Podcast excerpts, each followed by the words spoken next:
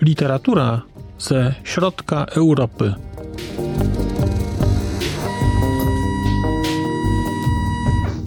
Podcast około książkowy.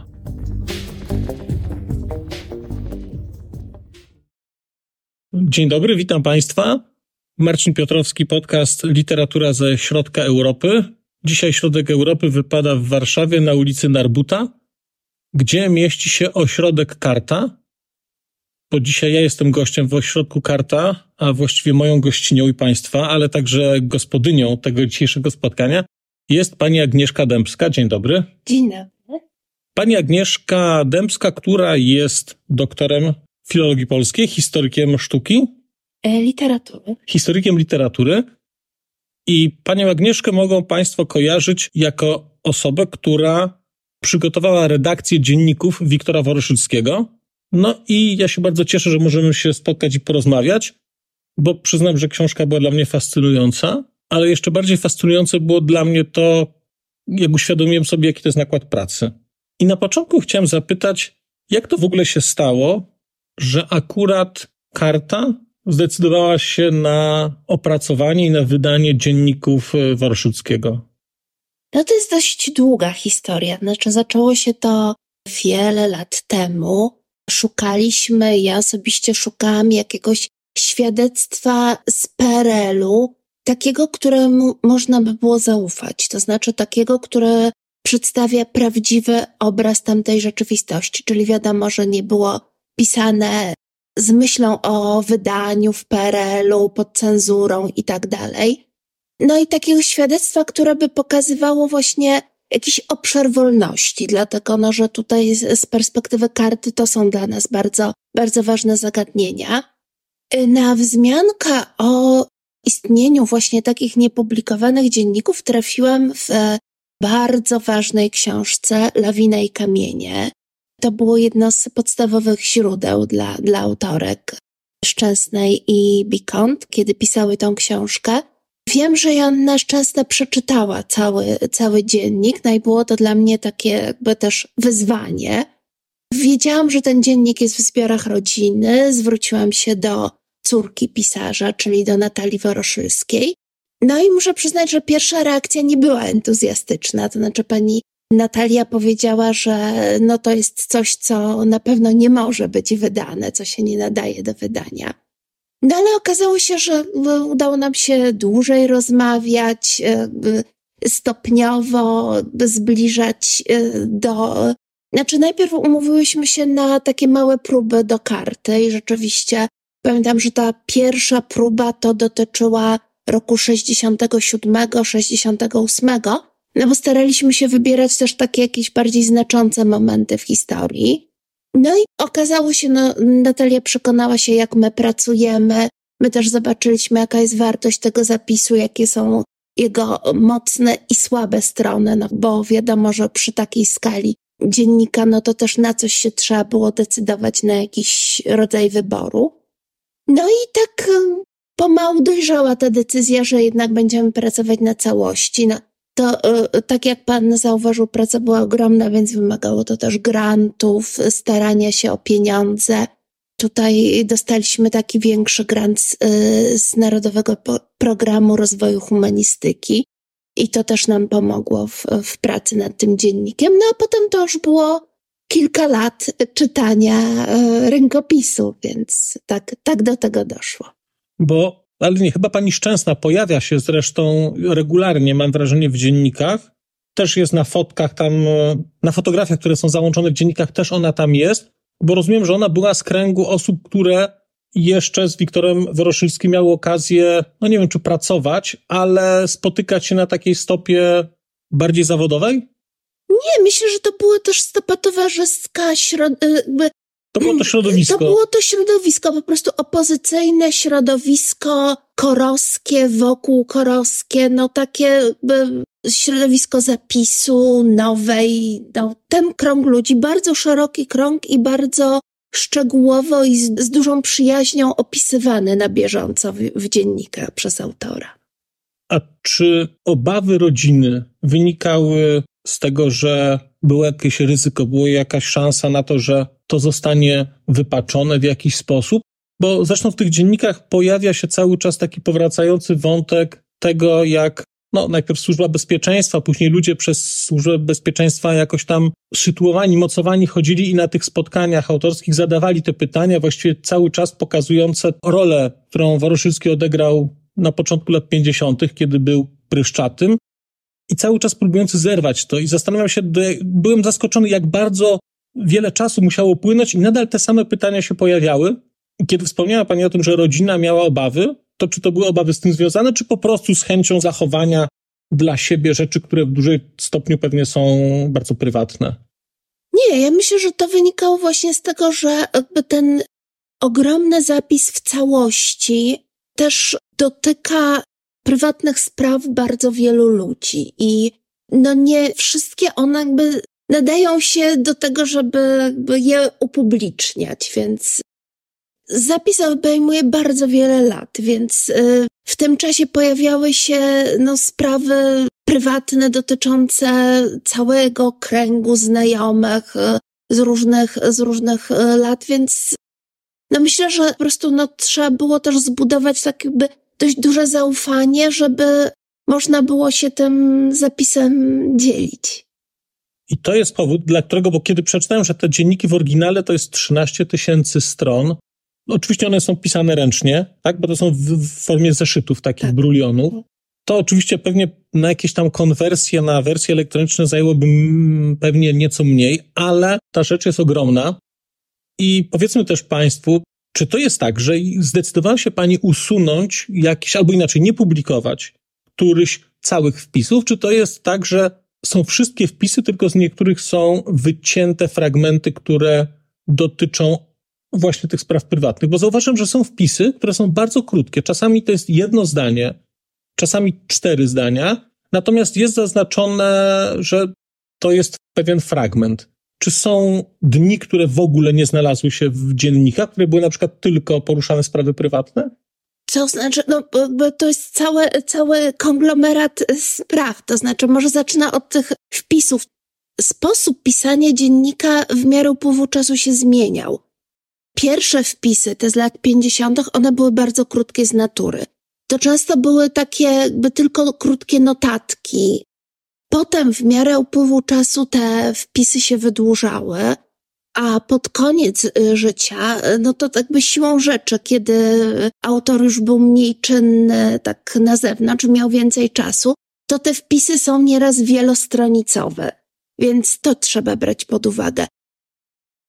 Bardzo często, i to jest pytanie, które bardzo często jest zadawane, to znaczy właśnie o charakter tych skrótów, więc ja bym nie chciała, żeby powstało takie wrażenie, że tutaj wycinałam wszystko, co dotyczyło spraw prywatnych, dlatego że no myśmy oczywiście musieli przyjąć jakieś kryteria, żeby ten dziennik się dało wydać w rozsądnej objętości.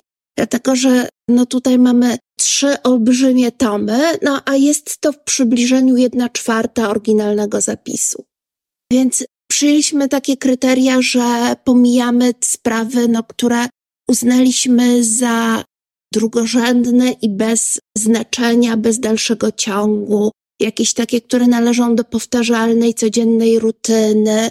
I to dużo miejsca zajmuje w tych dziennikach i pewnie w miarę upływu czasu też coraz więcej. To są takie wpisy, które są streszczeniem, czy wręcz przepisaniem fragmentów z gazet, z czytanych lektur. No, wiadomo było, że to nie ma też sensu, żeby to jeden do jednego przepisywać, więc z tego się brały te skróty.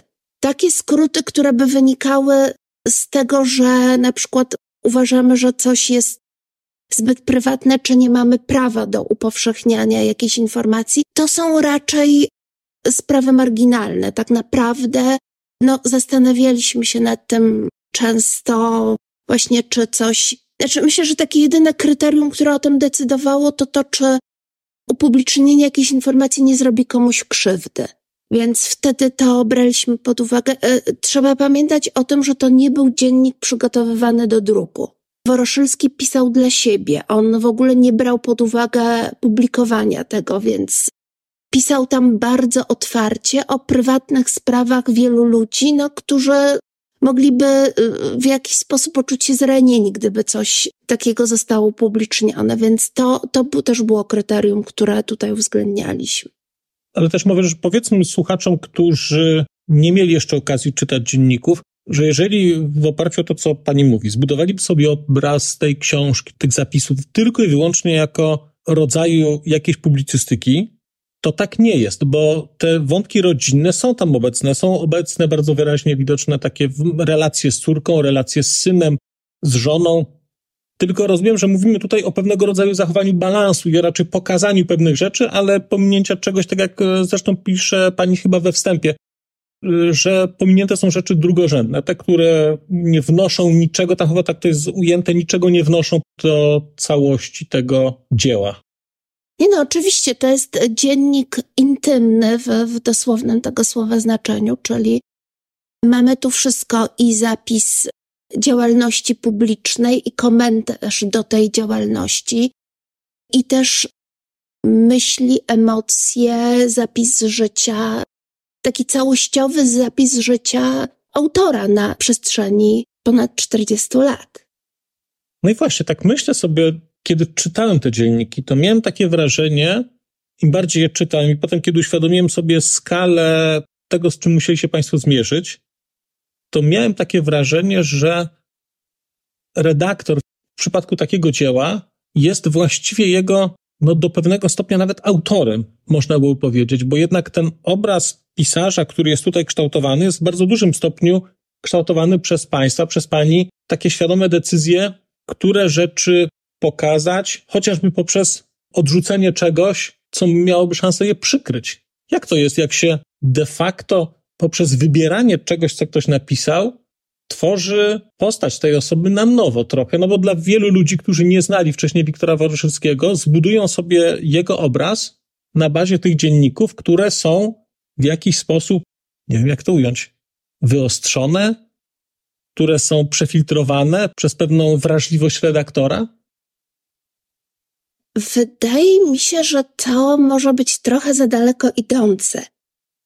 W przypadku takiego całościowego zapisu pojedynczej osoby, to jednak rola redaktora wydaje mi się, że nie powinna polegać na jakimś przycinaniu wizerunku tej osoby. To znaczy, no ja mam wrażenie, mam taką nadzieję, że starałam się iść jakby za wrażliwością autora, za tym, co jest dla niego ważne, tym, co go interesuje, co, co go porusza.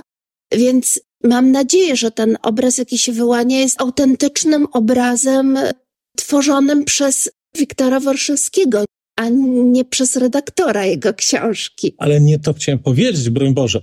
Ja bardziej zmierzałem do tego, że to, że tak się udało, to jest pewna, powiedziałbym, sztuka, bo poprzez pewnie ekspozycję innych wątków dałoby się uzyskać pewnie nie radykalnie inny obraz, ale ten obraz byłby być może rozmyty, być może byłby po prostu czymś przykryty. A tutaj miałem wrażenie, bardzo to mocno wybrzmiewa i ja nigdy sobie nie uświadamiałem tego nakładu pracy, bo myślałem o tym pewnie tak, jak myślała rodzina, że jeżeli da się dzienniki, ktoś powie, chciałbym wydać dzienniki, to ktoś będzie chciał wydać wszystko.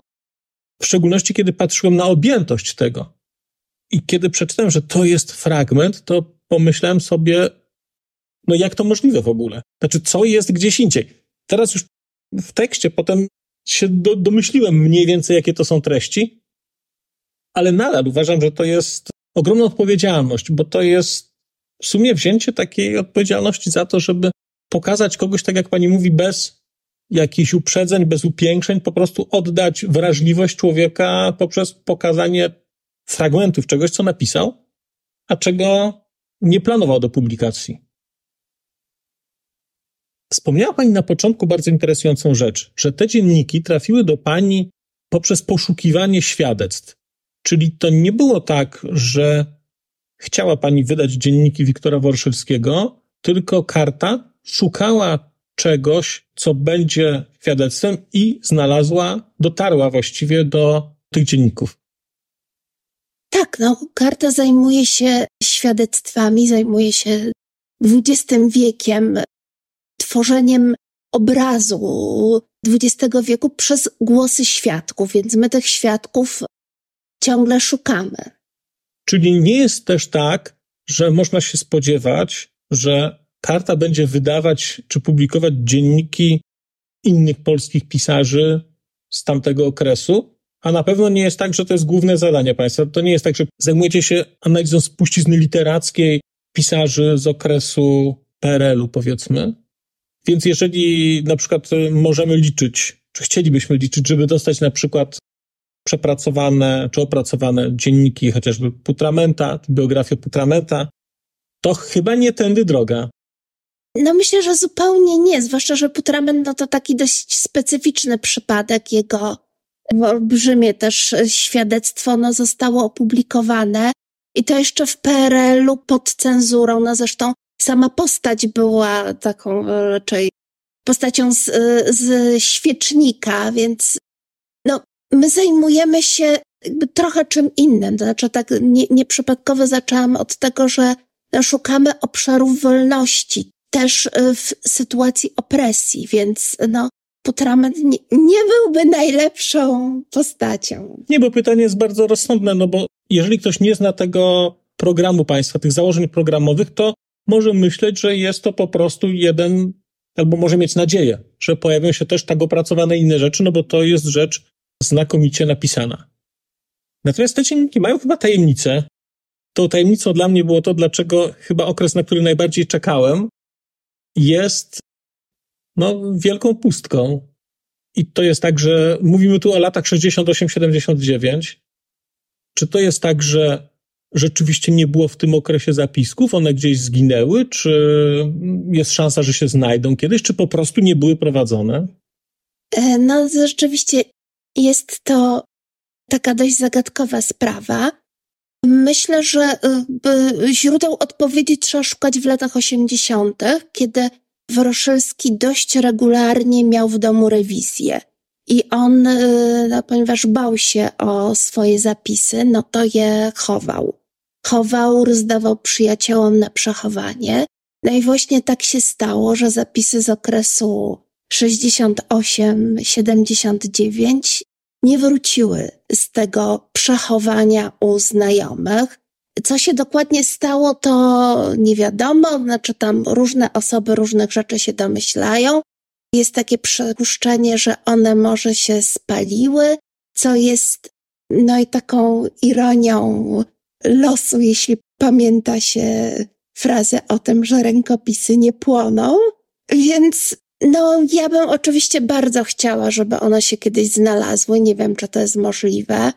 I myślę, że to jest, znaczy tak, osobiście dla mnie to jest to wielka strata, że ich nie ma, dlatego że myślę, że uważny czytelnik jest w stanie też zauważyć taką, że to jest nie tylko wyrwa w sensie narracyjnym, ale ja miałam takie wrażenie, że ten Woroszelski z lat 60. i ten, do którego wracamy pod koniec lat 70., to jest zupełnie inny człowiek. Szczerze mówiąc, tak pod względem charakterologicznym, osobowościowym, no mnie jest bliższy ten późniejszy i bardzo bym chciała wiedzieć, co się z nim stało po drodze, że się tak bardzo zmienił. Bo to jest tak, że dla jasności, dla czytelników, którzy jeszcze nie czytali, powiedzmy, że ostatni zapis jest e, z, chyba z 29 lutego 68 roku. Tak, z bardzo charakterystycznego, bardzo ważnego dnia. Tak, i potem, potem jest koniec, i potem człowiek czyta następny wpis, i jest z roku 79, i widać, że to jest jakaś wyrwa, jak ja to czytam, bo jak się przeczyta całe te dzienniki, to widać, że Woroszylski bardzo dbał o taką ciągłość. Czasami, no, czasami bardzo regularnie są wpisy, które mają taką treść, przez dwa dni nie pisałem, to teraz krótko zreferuję, co się wydarzyło. I patrząc na tę powtarzalność i taką ogromną staranność, ten okres dwunastoletniej czy jedenastoletniej przerwy jest zupełnie niepasujący do osoby autora. Ale tak zastanawiam się, jak pani mówi o tym, że one gdzieś były, ktoś je zabrał na przechowanie, czy to może nie będzie taka historia, jaka była z dziennikiem z pierwszego internowania Hawla, zresztą wydanego przez państwa, gdzie też jak Andrzej Jagodziński opisywał tę historię, że pisane na odwrotkach czegoś innego i chyba wnuk dopiero Hawla odkopał to przy okazji pandemii, jak sprzątał, więc może jest gdzieś nadzieja, czy już nie ma takiej nadziei, bo po prostu wiadomo, kto te dzienniki dostał i, i wiadomo, że, że ta część już na pewno nie wróci. No, wydaje mi się, że szansa, że wrócą jest bardzo mała, ale to jeśli rękopisy nie płoną, to niech wrócą. Czyli apelujemy do rękopisów, żeby wróciły. Chciałem zapytać o taką rzecz, bo czytając tę książkę, czy te, te dzienniki, miałem wrażenie takiej bardzo głębokiej relacji Wiktora Woroszyckiego z żoną. Jednocześnie to jest bardzo delikatnie pokazywane. Czy to jest tak, że rzeczywiście tych zapisów nie było, czy to jest też już taka świadoma decyzja, żeby pewnych obszarów intymności nie, nie publikować? Nie, to znaczy nie. Oczywiście tutaj nie było żadnej cenzury, ani nie, nie wycinaliśmy żadnych fragmentów dotyczących emocji autora. To raczej, jeśli coś dotyczącego sfery uczuciowej, emocjonalnej było wycinane, to raczej dotyczyło to zupełnie innych osób, które po prostu mogłyby by, no tutaj się z tym źle poczuć. Natomiast no myślę, że autor z jednej strony był tu dość dyskretny, a z drugiej strony ta e, relacja bardzo ewoluowała. Ona się zmieniała w miarę upływu lat i myślę, że dlatego te zapisy się pojawiają, jest ich więcej pod koniec, e, że, że po prostu to, to jest takie dość specyficzne uczucie, które dojrzewa. Zresztą ten portret żony jest, jest bardzo piękny. No to jest osoba towarzysząca, pierwsza czytelniczka i taka partnerka naprawdę. No zresztą widać, jak oni się tutaj wzajemnie wspierają w chorobie, jak autor się martwi o też w obliczu świadomości kończenia się własnego życia, o przyszłość e, swojej partnerki, więc no myślę, że, że jak powiedziałam, to, że ich jest mniej na początku, a potem więcej po prostu wynika z takiego dojrzewania tej emocji.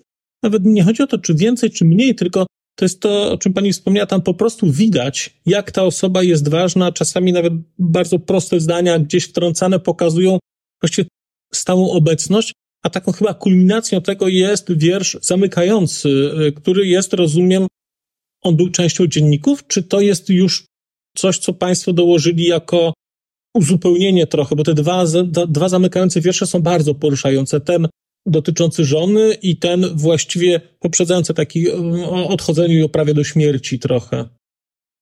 To też jest taka dosyć specyficzna rzecz. Te wiersze i poprzedzający je ostatni zapis, one właściwie nie należą do dziennika, to znaczy one nie były w zeszytach, w których były zapisane dzienniki, no ten regularnie prowadzony dziennik, on się urywa na początku tego ostatniego roku.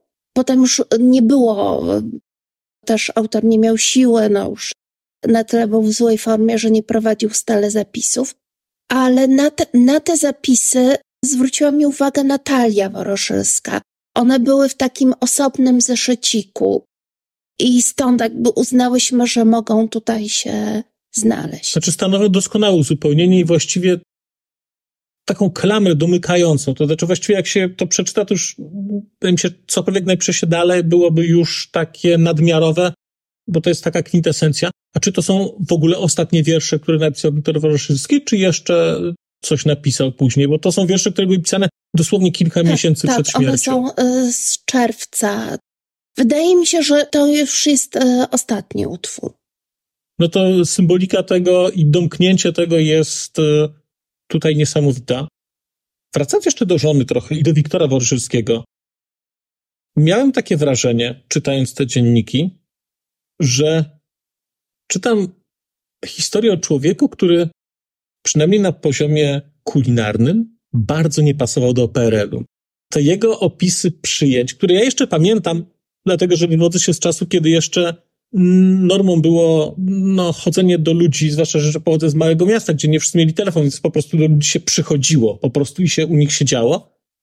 Natomiast byłem zaskoczony, że czytając taką historię, znajdowałem takie cudowne opisy tego, jak ktoś gotował. Gotował Wiktor Woruszylski, czy żona jego gotowała? Wiadomo to? Kto tam kucharzył? No raczej żona. On był w takiej pomocniczej roli, to zresztą zawsze taki charakterystyczny motyw po jakichś większych przyjęciach, to zmywanie, w którym on tam... I donoszenie tak, rzeczy tak, na tak, początku, tak? Tak, tak. tak. Więc to... No rzeczywiście ten wątek kulinarny jest e, dość istotny w dziennikach. No myślę, że Warszawski był smakoszem, to widać. Stąd też te jakieś tam frykasy przywożone z wyjazdów zagranicznych czy przez znajomych. Zresztą widać, jak cały ten mechanizm funkcjonował, właśnie to podawanie, nie wiem, serów y, i tego typu rzeczy. No, sprawy, na które my teraz chyba w ogóle nie zwracalibyśmy uwagi, bo one są po prostu codzienne, idzie się do sklepu i jest. Natomiast jakby zdobycie tego właśnie, czy jakiegoś wykwintnego sera, czy wręcz ostryk, to po prostu to było święto. No zresztą widać tam, tam jest ten element tego świadectwa, o którym pani mówi, zwłaszcza w latach 80.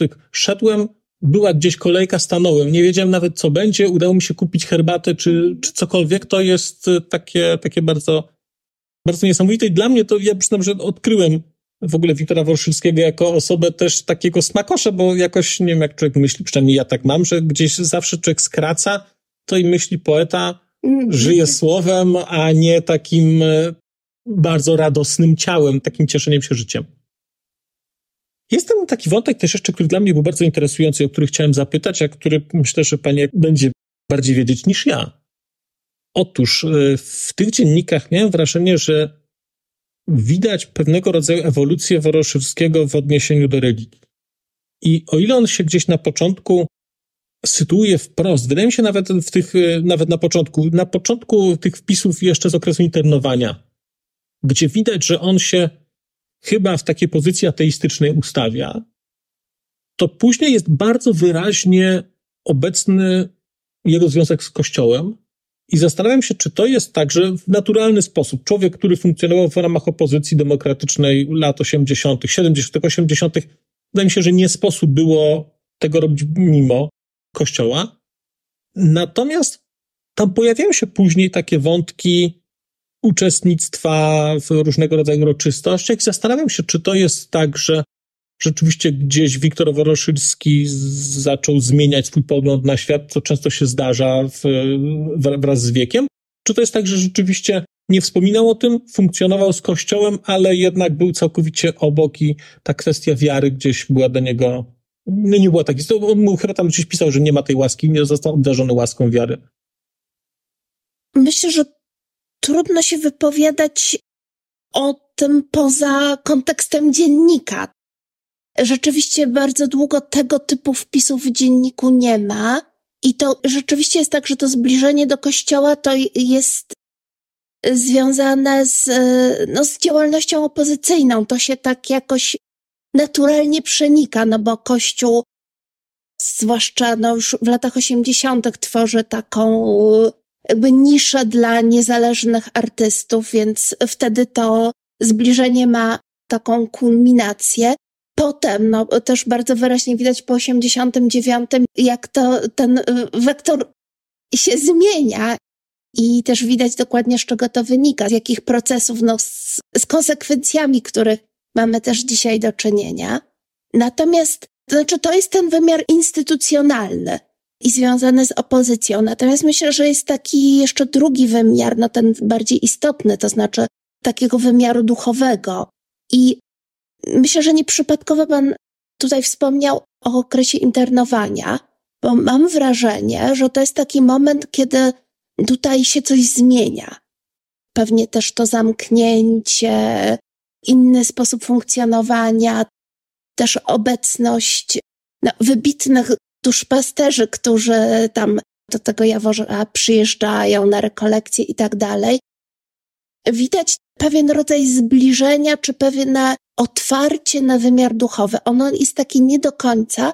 Zresztą w okresie, y, ale to już w Darówku, czyli w tej drugiej części internowania, dostaje taki przepiękny, jeden z moich ulubionych wierszy y, Morze, który jest właściwie o takiej niepewności w sensie duchowym, ale myślę, że to jest taka niepewność akceptująca i no to jest taki wymiar, no, który kiedy y, właśnie ktoś pyta o stosunek do Boga, to zawsze myślę, myślę o tym wierszu. Kiedy Pani wspomina o tym okresie internowania, no to jedna rzecz to są chyba duszpasterze, którzy się tam pojawiają, ale druga rzecz to jest też chyba przebywanie z taką kwintesencją inteligencji katolickiej, no bo mieszkanie w pokoju z Władysławem Bartoszewskim w takim krytycznym okresie. Te seminaria, które oni tam odbywali, no to przecież byli intelektualiści, to byli ludzie jednak związani z, no powiedziałem, taka elita tej części społeczeństwa, więc wydaje mi się, że też było, miał Woroszylski też taką naturalną możliwość jednak przesiąkania trochę pewnymi rzeczami, pewną wrażliwością, która gdzieś tam była trochę inna. Chciałem teraz jeszcze zapytać o kompozycję, dlatego że w trzecim tomie pojawia się sporo rzeczy dotyczących Rosji i Związku Radzieckiego. Wcześniej tego nie ma.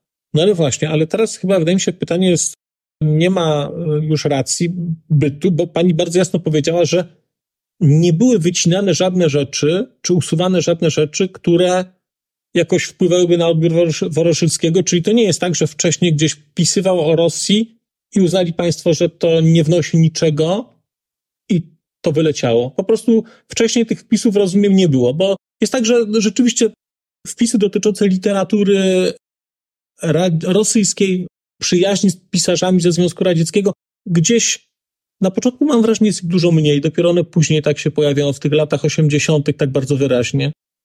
E, myślę, że to wynika z różnych rzeczy. To znaczy, no, ta, ta Rosja zawsze była dla Woroszewskiego bardzo ważna i, i tłumaczenie poetów rosyjskich, ale y, lata 80.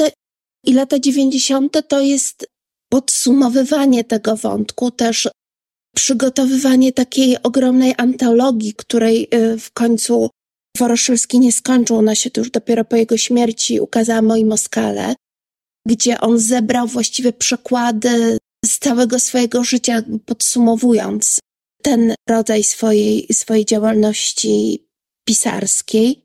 Natomiast no, lata dziewięćdziesiąte to jest motyw, kiedy ta e, Rosja się otwiera.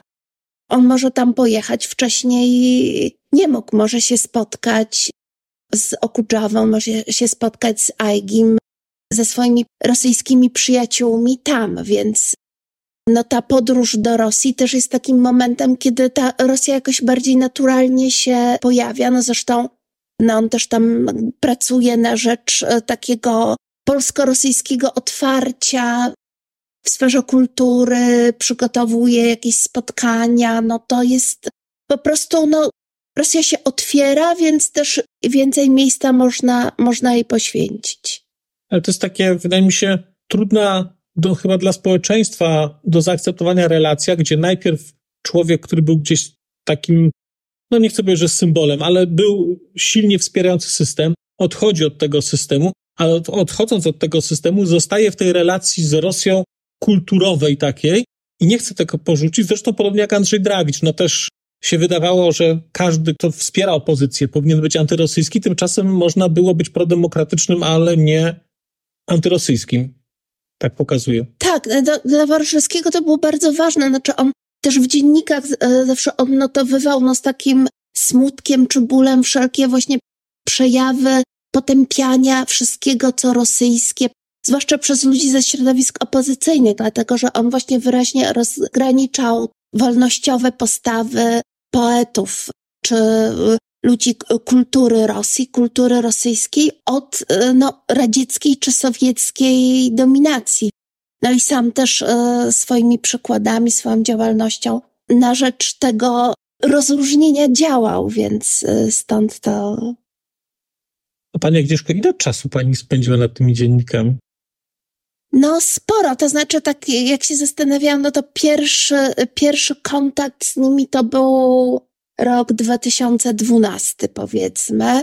W 14 dostaliśmy ten duży grant z NPRH i zaczęliśmy regularnie pracować, a ostatni tom ukazał się w 2019, więc... E, Czyli to jest 7 lat takiej, no tak około 7 lat.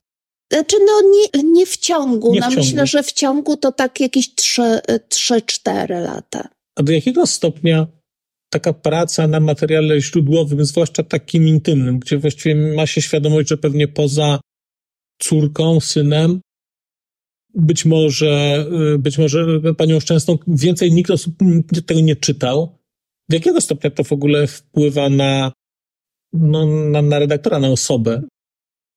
To jest taka praca, która zmienia, czy to jest jednak po prostu praca, jak to praca? No nie wszystkie prace nas zmieniają.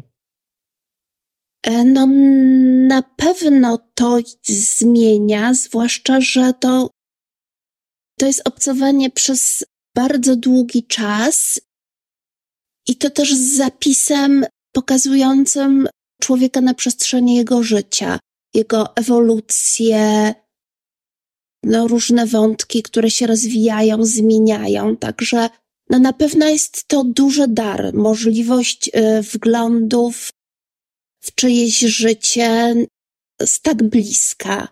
Y, no, zwłaszcza, że, no, że był to człowiek, który umiał pisać i miał coś do powiedzenia, więc. A czy po tej lekturze, po tym obcowaniu takim właśnie głębokim z dziennikami, jakoś inaczej patrzy pani na twórczość Wiktora Woroszyckiego, na te, na te wiersze, które pisał chociażby? No myślę, że niekiedy więcej o tych wierszach wiem, dlatego że to też jest taki ciekawy wątek, no, który pewnie zwłaszcza dla historyków literatury jest jakoś zachęcający, że często widać w dziennikach zapis sytuacji, z których potem te wiersze wyrastają. To bardzo, bardzo wyraźne jest w okresie internowania, no bo wiersze z dziennika internowania, teraz mówię o tomie poetyckim, są wprost wywiedzione z sytuacji y, Woroszylskiego internowanego, ale to dotyczy także wierszy, pojedynczych wierszy z, z, z innych okresów. Czyli jak teraz będę, bo ja się zaopatrzyłem już e, także w te, e, właśnie ten dziennik, co się nazywa dziennik z okresu internowania, prawda? E, to, dziennik internowania. Dziennik internowania, mhm. właśnie. To rozumiem, że czytając wiersze, które tam są, będę mógł, czy jak będę chciał, to będę w stanie je jakoś odnieść do rzeczy, które są pokazywane w dzienniku. Tak, to jest bardzo bliskie przyleganie. No to tylko czytać. A Pani jako historyk literatury, jako osoba, która tyle czasu spędziła z twórczością Wiktora Woroszyckiego, gdyby ktoś chciał zacząć czytać Wiktora Woroszyckiego, to od których poezji według Pani warto zacząć? Hmm.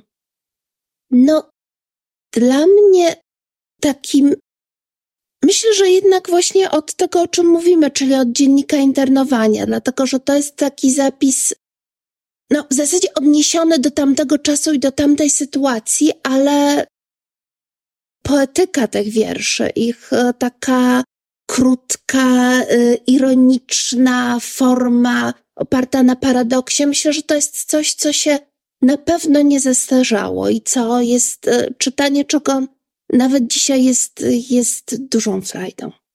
W ogóle poezja może się zestarzeć? Poza takimi przykładami jak no czasami są takie rzeczy, które są no wprost, chociażby nawet w twórczości Wiktora Woroszylskiego gdzieś te rzeczy pierwsze, początkowe, no to one, no wydaje się, że może jednak nie, nie, nie, nie, wiem jak to, nie wiem jak to ująć, ale czy taka no poezja, która nie jest poezją zaangażowaną, czy w ogóle taka poezja się starzeje? Już nie pytam a propos Wiktora Woroszylskiego, tylko pytam po prostu historyka literatury. No myślę, że to wynika po prostu z, y, z poetyki. No teraz y, akurat tak się składa, że zajmuję się kimś, kto pisał wiersze w poetyce młodopolskiej i nie zmienił tej poetyki. I y, chociaż miał wiele do przekazania, no to myślę, że dla współczesnego czytelnika, no to będzie jednak mało zrozumiałe. Czyli każda poezja, znaczy wszystko ma swój czas, także poezja ma swój czas taki, który jest najlepszy dla niej. No tak. Pani Agnieszko, bardzo chciałem podziękować za czas. E, dziękuję też za pracę, którą Państwo wykonaliście, no bo to jest fantastyczna rzecz. Ja brałem, biorąc do ręki te dzienniki, wziąłem je dlatego, że najpierw przeczytałem Lawinę i Kamienie i mnie postać po prostu Wiktora Woroszyńskiego gdzieś zainteresowała. Później trafiłem na literaturę, dziennik węgierski, no i potem trafiłem na te dzienniki. No i przyznam, że dostałem coś zupełnie innego niż się spodziewam, ale coś znacząco chyba lepszego. Znaczy, trudno powiedzieć lepsze, gorsze. Natomiast była to rzeczywiście bardzo poruszająca lektura i taka no, zmieniająca. Myślę, że też dla mnie wprowadzająca na przykład w ogóle Wiktora Woroszyńskiego jako poetę, bo, bo o tym tak wcześniej nie myślałem, więc bardzo dziękuję, że inni czytelnicy też będą mogli teraz z tego korzystać z Państwa pracy. No bardzo, bardzo się cieszę, że nasza praca i tutaj działalność ośrodka się przyczynia do tego, że, że więcej osób może się zapoznać z takim, no jednak wybitnym świadectwem. Dziękuję w takim razie bardzo i do usłyszenia. Dziękuję.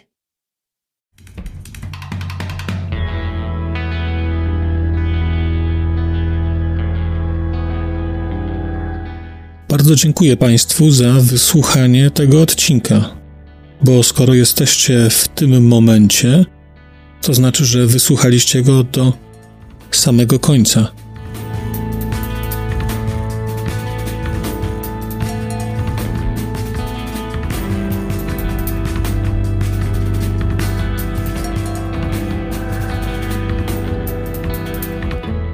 Słuchaczy platform podcastowych chciałem zaprosić na kanał na YouTubie, gdzie znajdziecie Państwo te same treści, ale dzięki modułowi komentarzy będziecie mogli wejść w interakcję z innymi słuchaczami tego podcastu i dzielić się swoimi spostrzeżeniami dotyczącymi książek, ale nie tylko.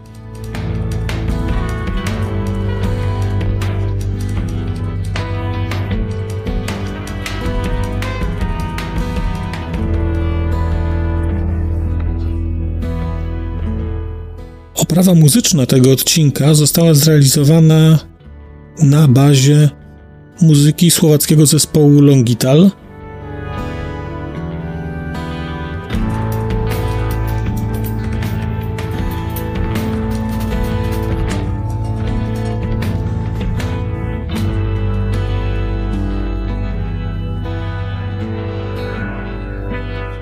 Longital to Wspaniała słowacka grupa, której muzyka jest dla mnie kwintesencją nowoczesnego brzmienia Europy Środkowej.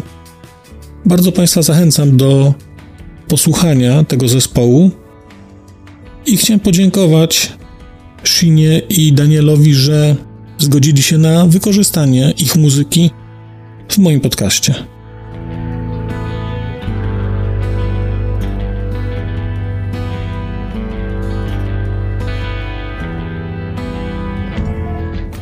Krzysztof a Daniel, Děkujeme vám velmi pekne, že ste nám umožnili použiť vašu hudbu.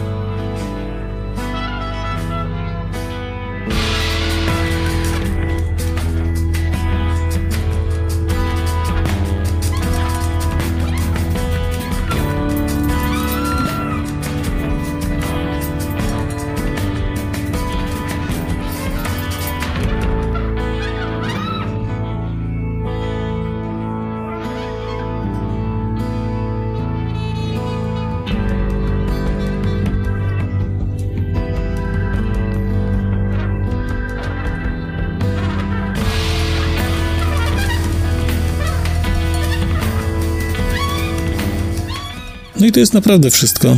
Dziękuję i do usłyszenia.